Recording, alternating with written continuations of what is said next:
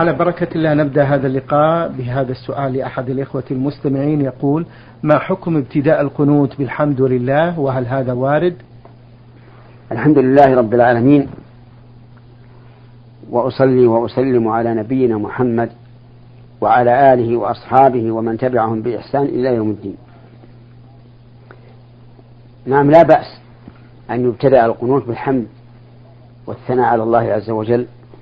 والصلاة والسلام على نبيه. وإن ابتدأه بقولها اللهم إنا نستعينك ونستهديك ونستغفرك ونتوب إليك فحسن. وإن ابتدأه بقولها اللهم اهدنا فيمن هديت وعافنا فيمن عافيت فلا بأس. الأمر في هذا واسع. والمهم أن الإنسان يقنط ولكن هل القنوت سنة كلما أوتر أو أحيانا أو في وقت مخصوص. في هذا خلاف بين أهل العلم. والراجح عندي أنه لا يقنط إلا أحيانا وأن الأصل عدم القنوت لأن الواصفين لصلاة النبي صلى الله عليه وعلى آله وسلم ووتره في الليل لا يذكرون أنه كان يقنط.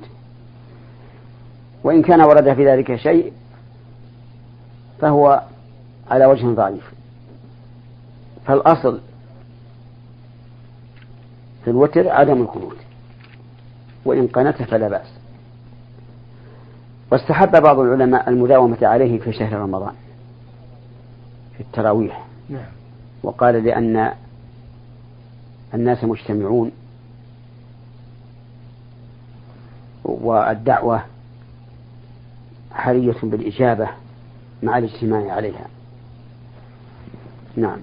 أحسن الله إليكم. يقول هذا السائل من الأردن لدي مجموعة من الأسئلة عن الطلاق أول أسئلتي أود الاستفسار عنه عن طلاق الغضبان. هل يصح هذا الطلاق أم هو باطل؟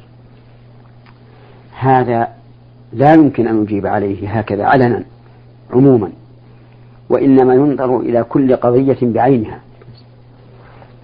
فإذا جاءنا إنسان يستفتي عن هذا في أمر واقع استفصلنا منه استفصالا تحريريا. حتى يتسنى لنا أن, أن, أن نفتي فيه. الثاني. وبالنسبة لطلاق الحامل هل يصح هذا الطلاق؟ نعم طلاق الحامل جائز وواقع حتى إنه يجوز ولو كان الإنسان قد جامعها قبل أن يغتسل من الجنابة. لقول الله تبارك وتعالى في سورة الطلاق يا أيها النبي إذا طلقتم النساء فطلقوهن لعدتهن إلى أن قال واللائي يئسن من المحيض. فعدتهن ثلاثة أشهر. نعم واللائي يحضن من المحيض إن ارتبتم فعدتهن ثلاثة أشهر. واللائي لم يحضن يعني الصغار. يعني عدة يعني أن عدتهن ثلاثة أشهر. ثم قال وأولاة الأحمال أجلهن أن يضعن حملهن. وبهذه المناسبة أود. أن الحامل هي أم الم... هي أم المعتدات. بمعنى أن أن عدتها تنتهي بوضع حملها بوضع حملها سواء فورقت بطلاق أو بفسخ أو بتبين فساد النكاح أو بموت. أي مفارقة تقع وفيها عدة والمفارقة حامل فعدتها بوضع الحمل. طالت مدة أم قصرت. وعلى هذا فلو مات إنسان وزوجته حامل ثم أخذها الطلق ووضعت قبل أن يغسل الميت انتهت عدتها. وحلت الأزواج.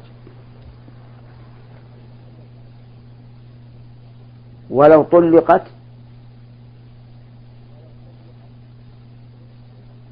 ووضعت إثر قول زوجها لها أنت طالق انتهت عدتها ولو بعد قولها أنت طالق بدقيقة انتهت عدتها ولو طلقت وبقي الحمل في بطنها سنة أو سنتين أو ثلاثا أو أربعا بقيت في عدتها. بعموم قول الله تبارك وتعالى وأولاة الأحمال أجلهن أن يضعن حملهن.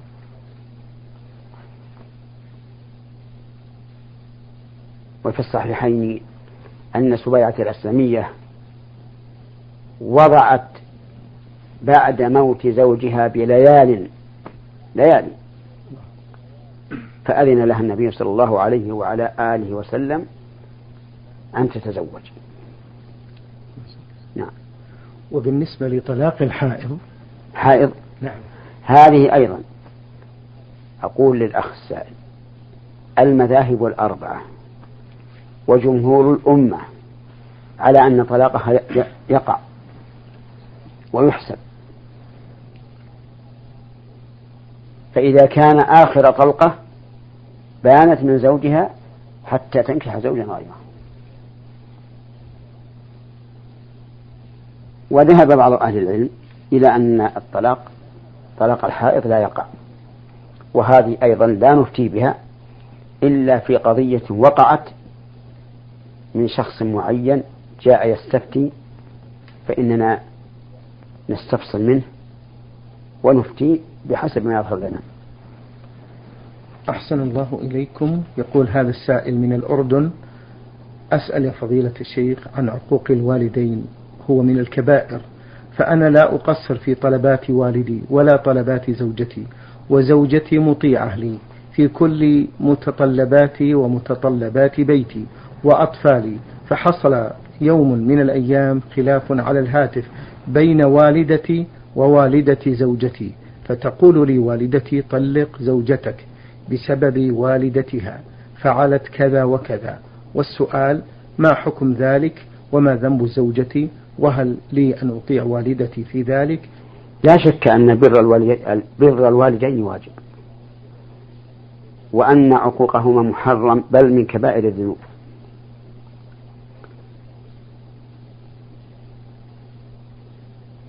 فقد ثبت عن النبي صلى الله عليه وسلم من حديث أبي بكرة أن النبي صلى الله عليه وسلم قال ألا أنبئكم بأكبر الكبائر؟ الإشراك بالله وعقوق الوالدين. وكان متكئا فجلس فقال ألا وقول الزور؟ ألا وقول الزور؟ ألا وشهادة الزور؟ فما زال يكررها حتى قالوا ليته سكت. ولكن أحيانا يقع من بعض الأمهات. غيرة. إذا رأت من ولدها محبة لزوجته. فتكره الزوجة. وتحاول أن يفارقها زوجها. وتسعى بالإفساد بينها وبين ولدها. وربما تصرح فتقول إما أنا وإلا زوجتك.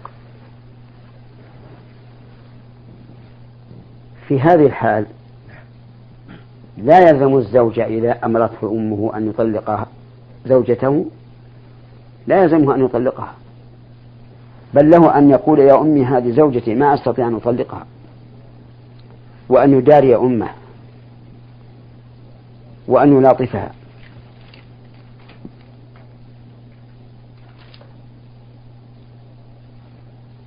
وأما أن نقول فارق زوجتك لطلب أمك فلا.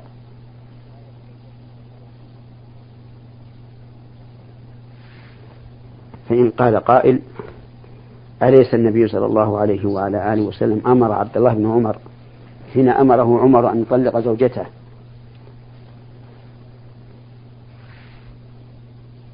أن يطيع عمر وأن يطلقها؟ فالجواب بلى. لكن عمر رضي الله عنه لم يأمر ابنه أن يطلق زوجته إلا لسبب شرع ولهذا أمر النبي صلى الله عليه وسلم عبد الله بن عمر أن يطلق الزوجة.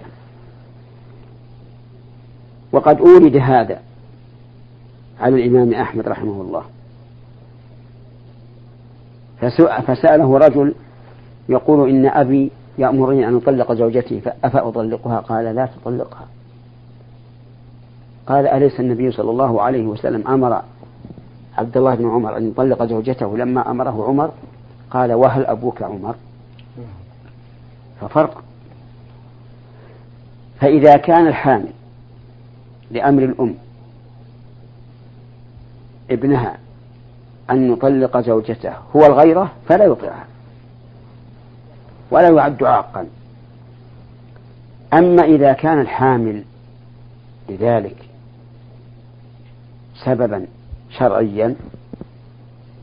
فهنا يطلق الزوجة لا لأن أمه أمرته ولكن لأن أمه بينت له ما فيها من سبب شرعي يقتضي طلاقها.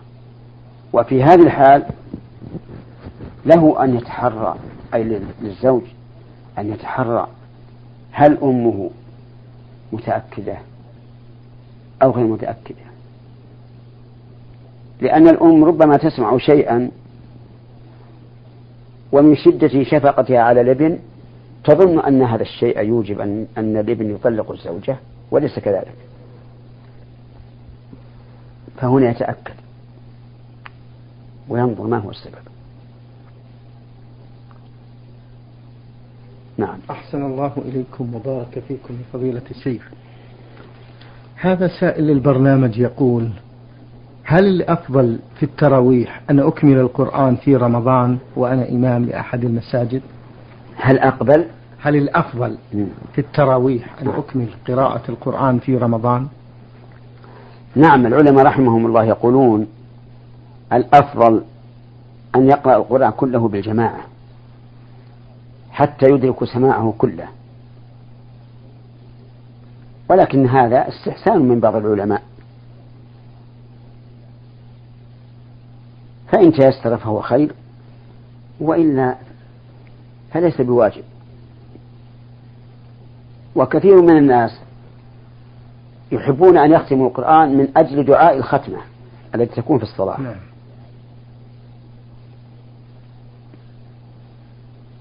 مع أن الختمة التي تكون في الصلاة عند انتهاء القرآن محل خلاف بين العلماء. منهم من استحبها ومنهم من لم يستحبها. لكن من الشيء الذي ينكر أن بعض الأئمة يقرأ القرآن كله لكن يوزعه يقرأ به في الفرائض يعني يقرأ من قراءته في التراويح في الفرائض. فيكون هنا لا أسمع الجماعة ولا ختم بهم القرآن وهو تصرف ليس عليه دليل. فالأولى أن يقرأ بما تيسر. وأن لا يحمله لا تحمله قراءته على أن يسرع إسراعا يجعل القرآن هدا.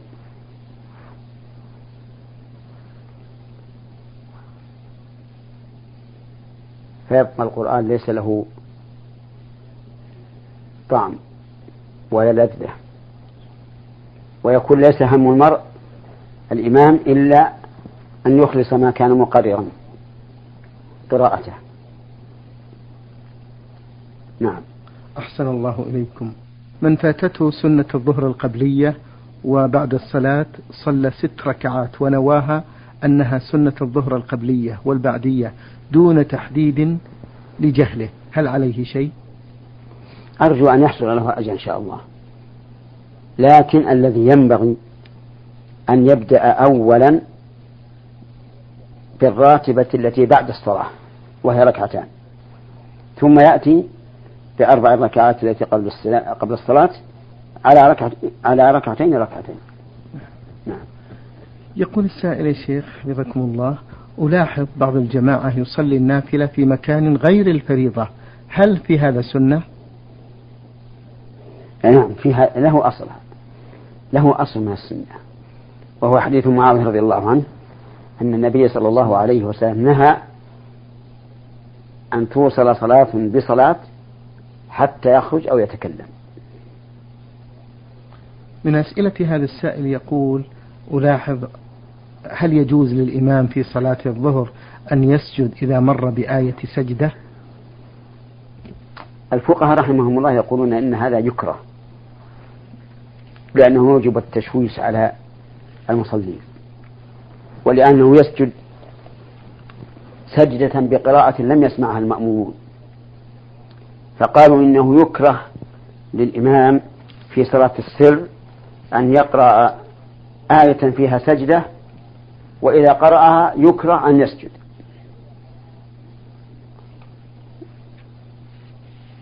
ولكن إذا قدر أنه قرأ فإنه ينبغي إذا مر بآية السجدة أن يجهر بها بعض الشيء حتى يعرف الناس أنه سجد للتلاوة. والجهر ببعض الآيات في قراءة السر جائز لأن النبي صلى الله عليه وعلى آله وسلم كان يسمع الصحابة القراءة في صلاة السر أحيانا. نعم. هذا السائل يقول نون باسين بأنني أعمل عند شخص بمرتب شهري ومع أنني أقوم بواجبي بشكل كامل يقوم هذا الشخص بتأخير المرتب المستحق أكثر مما هو متعارف عليه ثلاث شهور أربع شهور ويتذرى بأن ليس لديه ما يدفع مع العلم بأنني سمعت من بعض العمالة عنده بأنه لا يعطي لا يعطي من هو مستحق في ذمته بشكل كامل. فهل يجوز أن آخذ أجري من دون علمه من باب الحيطة؟ لا يحل للإنسان إذا ظلمه أحد ولم يوفي حقه أن يأخذ من ماله بغير علمه لأن النبي صلى الله عليه وعلى آله وسلم قال أد الأمانة إلى من ائتمنك ولا تقل من خانك. وأخذه بلا علمه خيانة. إلا في النفقة فقط. فإن للذي له النفقة إذا لم يقم بها من تجب عليه أن يأخذ من ماله بغير علمه وذلك لأن هند بنت عتبة. سألت النبي صلى الله عليه وعلى آله وسلم وقالت إن أبا سفيان رجل شحيح لا يعطيني ما يكفيني وولدي؟ فقال لها النبي صلى الله عليه وسلم نعم أفأخذ من ماله بغير علمه؟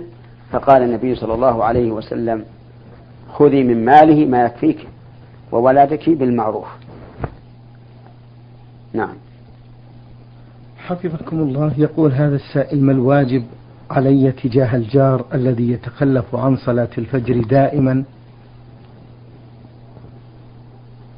الواجب عليكم أن تنصحوه لأنه جاركم وله حق عليكم. ولكن انصحوه لا على سبيل التوبيخ والزجر بل على سبيل الحكمة. مثل أن تدعوه إلى البيت وتؤنسوه أو تذهبون إلى بيته وتؤنسوه ثم تتحدثون حديثا رقيقا رفيقا وتدعوه إلى أن يصلي مع الجماعة وتبين له الفضل في صلاة الجماعة وتحذروه من التخلف عنها وتبين له الوعيد. من أسئلة هذا السائل يقول ما حكم السدل في الصلاة يا شيخ؟ السدل لا أدري ماذا يريد. هل يريد إرسال اليدين عند القيام أو يريد السدل سدل الرداء؟ فلنجب على الأمرين جميعا. طيب يا شيخ. أما بالنسبة لسدل الرداء فإنه مكروه. لا سيما إذا لم يكن تحت الرداء فنيلة أو نحوها. أو نحوها. وأما وأما السدل الذي هو إرسال اليدين فهو خلاف السنة. السنة أن الإنسان إذا قام يصلي أن يضع يده اليمنى على ذراعه اليسرى في الصلاة سواء كان قبل الركوع أو بعد الركوع. هكذا جاء في صحيح البخاري عن سالم بن سعد رضي الله عنه قال كان الناس يؤمرون أن يضع الرجل يعني إذا صلى ذراعه يده اليمنى على ذراعه اليسرى يعني في الصلاة. نعم. حفظكم الله السائل يقول في هذا السؤال بعض المرضى يتركون الصلاة بحجة عدم القدرة على الطهارة فهل من كلمة للإخوة المرضى وما الواجب عليهم تجاه ذلك؟ الواجب على المريض أن يصلي الصلاة في وقتها. وله أن يجمع بين الظهر والعصر أو بين المغرب والعشاء إذا شق عليه أن يصلي كل صلاة في وقتها. فيصلي أولا بالماء يتطهر بالماء. فإن شق عليه أو خاف الضرر به تيمم. هذه واحد. ثانيا يجب عليه أن يصلي قائما. فإن لم يستطع فقاعدا فإن لم يستطع فعلى جنب. ثالثا يجب عليه أن يصلي وهو طاهر الثوب والفراش. فإن عجز صلى وإن, وإن لم يكن ثوبه طاهرا ولا فراشه طاهرا إذا لم يستطع تغييرهما. وكذلك إذا لم يكن عنده ماء ولا ما يتيمم به فإنه يصلي ولو بلا تيمم ولا ماء. المهم أن لا يؤخر الصلاة عن وقتها بأي حال من الأحوال. نعم. أحسن الله إليكم فضيلة الشيخ. مسجد فيه قبر. يتبرك أهل هذا المسجد. هل هم هل يقعون في الشرك الأكبر؟ أولا لا بد أن ننظر. هل القبر سابق على المسجد أو المسجد سابق على القبر. فإن كان القبر سابقا على المسجد بمعنى أن القبر كان متقدما فبنوا عليه مسجدا فالمسجد هنا لا تصح فيه الصلاة على كل حال. لأنه قبر لأنه مسجد يجب هدمه. فقد نهى النبي صلى الله عليه وعلى آله وسلم أن يبنى على القبور. لا سيما إذا كان مبني مسجدا. وإنما قلنا يجب هدمه لأنه يشبه مسجد الضرار الذي يجب هدمه. ومسجد الضرار هو المسجد يبنى بقرب مسجد آخر فيؤثر على أهل المسجد الأول ويفرق ويفرقهم. فهذا مسجد ضرار فيبنى فيهدم على كل حال. وأما إذا كان المسجد سابقا ودفن فيه الميت فإنه يجب أن ينبش الميت ويدفن مع الناس.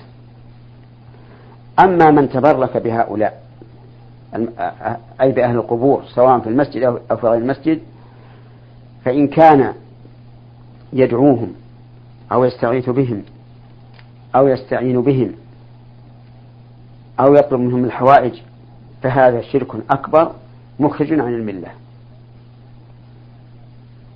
وإن كان لا يدعوهم ولكن يتبرك بترابهم ونحوه فهذا شرك أصغر لا يصل إلى حد الشرك الأكبر إلا إذا اعتقد أن بركته يحصل بها الخير من دون الله فهذا مشرك شركا أكبر.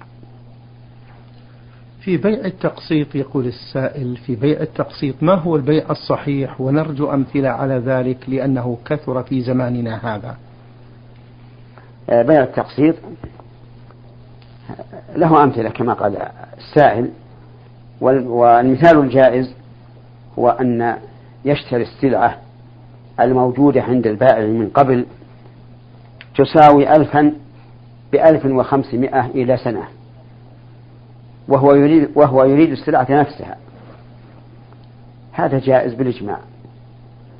أو يريد أن يتجر بهذه السلعة بأن يشتريها في هذا البلد ويذهب بها إلى بلد آخر ليزيد ثمنها. هذا أيضا جائز بالإجماع.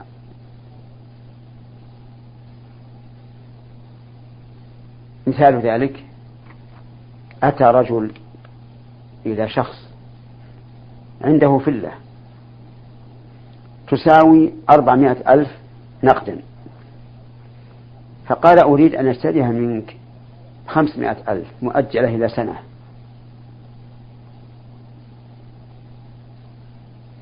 فاتفق على ذلك فلا بأس بها.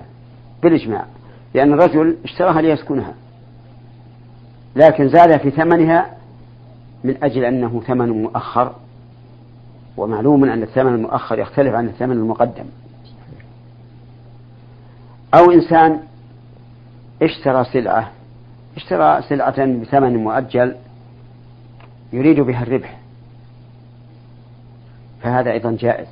كإنسان اشترى من شخص فلة تساوي أربعمائة نقدا بخمسمائة إلى أجل يريد أن يربح فيها فلعلها تكون بستمائة إلى أجل أو خمسمائة نقدا فيربح. هذا لا بأس به. بالإجماع. الصورة الثالثة أن يأتي شخص إلى آخر إلى تاجر. فيقول أنا محتاج إلى سيارة صفتها كذا وكذا. فيقول التاجر اذهب إلى المعرض وتخير السيارة التي تريد ثم أتني. حتى أشتريها من المعرض ثم أبيعها عليك بثمن مؤجل أكثر مما اشتراها به فهذا حرام. وذلك لأن البائع لم يشتري السلعة إلا من أجل الطالب الذي طلبها ولو ولولا طلبه إياه ما اشتراها. فيكون كالذي أقرض المحتاج إلى السيارة. أقرضه دراهم إلى أجل بزيادة. وما شراء التاجر لهذه السيارة ليبيع على هذا المحتاج إلا حيلة فقط. وإلا فليس له غرض في السيارة.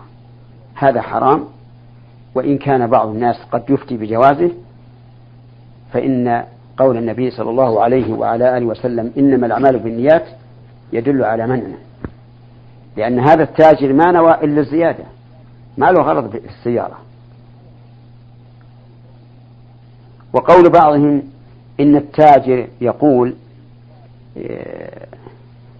إذا إذا إذا اشتريته يعني التاجر فأنت أيها المحتاج بالخيار. هذه وإن قال فهو تدليس لأنه من المعلوم أن الذي احتاج السلعة لن يردها يريدها على كل حال.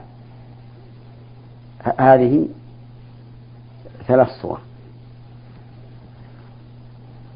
الصورة الأخيرة غير جائزة. في صورة رابعة تسمى مسألة التورق وهي أن يحتاج الإنسان إلى دراهم فيأتي إلى صاحب المعرض ويشتري منه السيارة التي تساوي خمسين ألفا بستين ألفا إلى سنة وقصد المشتري الدراهم. فقد اختلف العلماء رحمهم الله في هذه المسألة فمنهم من قال إنها جائزة لأن البائع يقول أنا مالي مالي وللمشتري وغرضه. أنا بعت سيارة والمشتري يفعل ما شاء. واختار شيخ الإسلام ابن تيمية رحمه الله أن ذلك حرام وأنه من العينة التي حذر منها النبي صلى الله عليه وعلى آله وسلم. والورع أن يتركها الإنسان. وأن لا يتعامل بها. فهذه أربع صور في مسألة البيع بالتقسيط. نعم.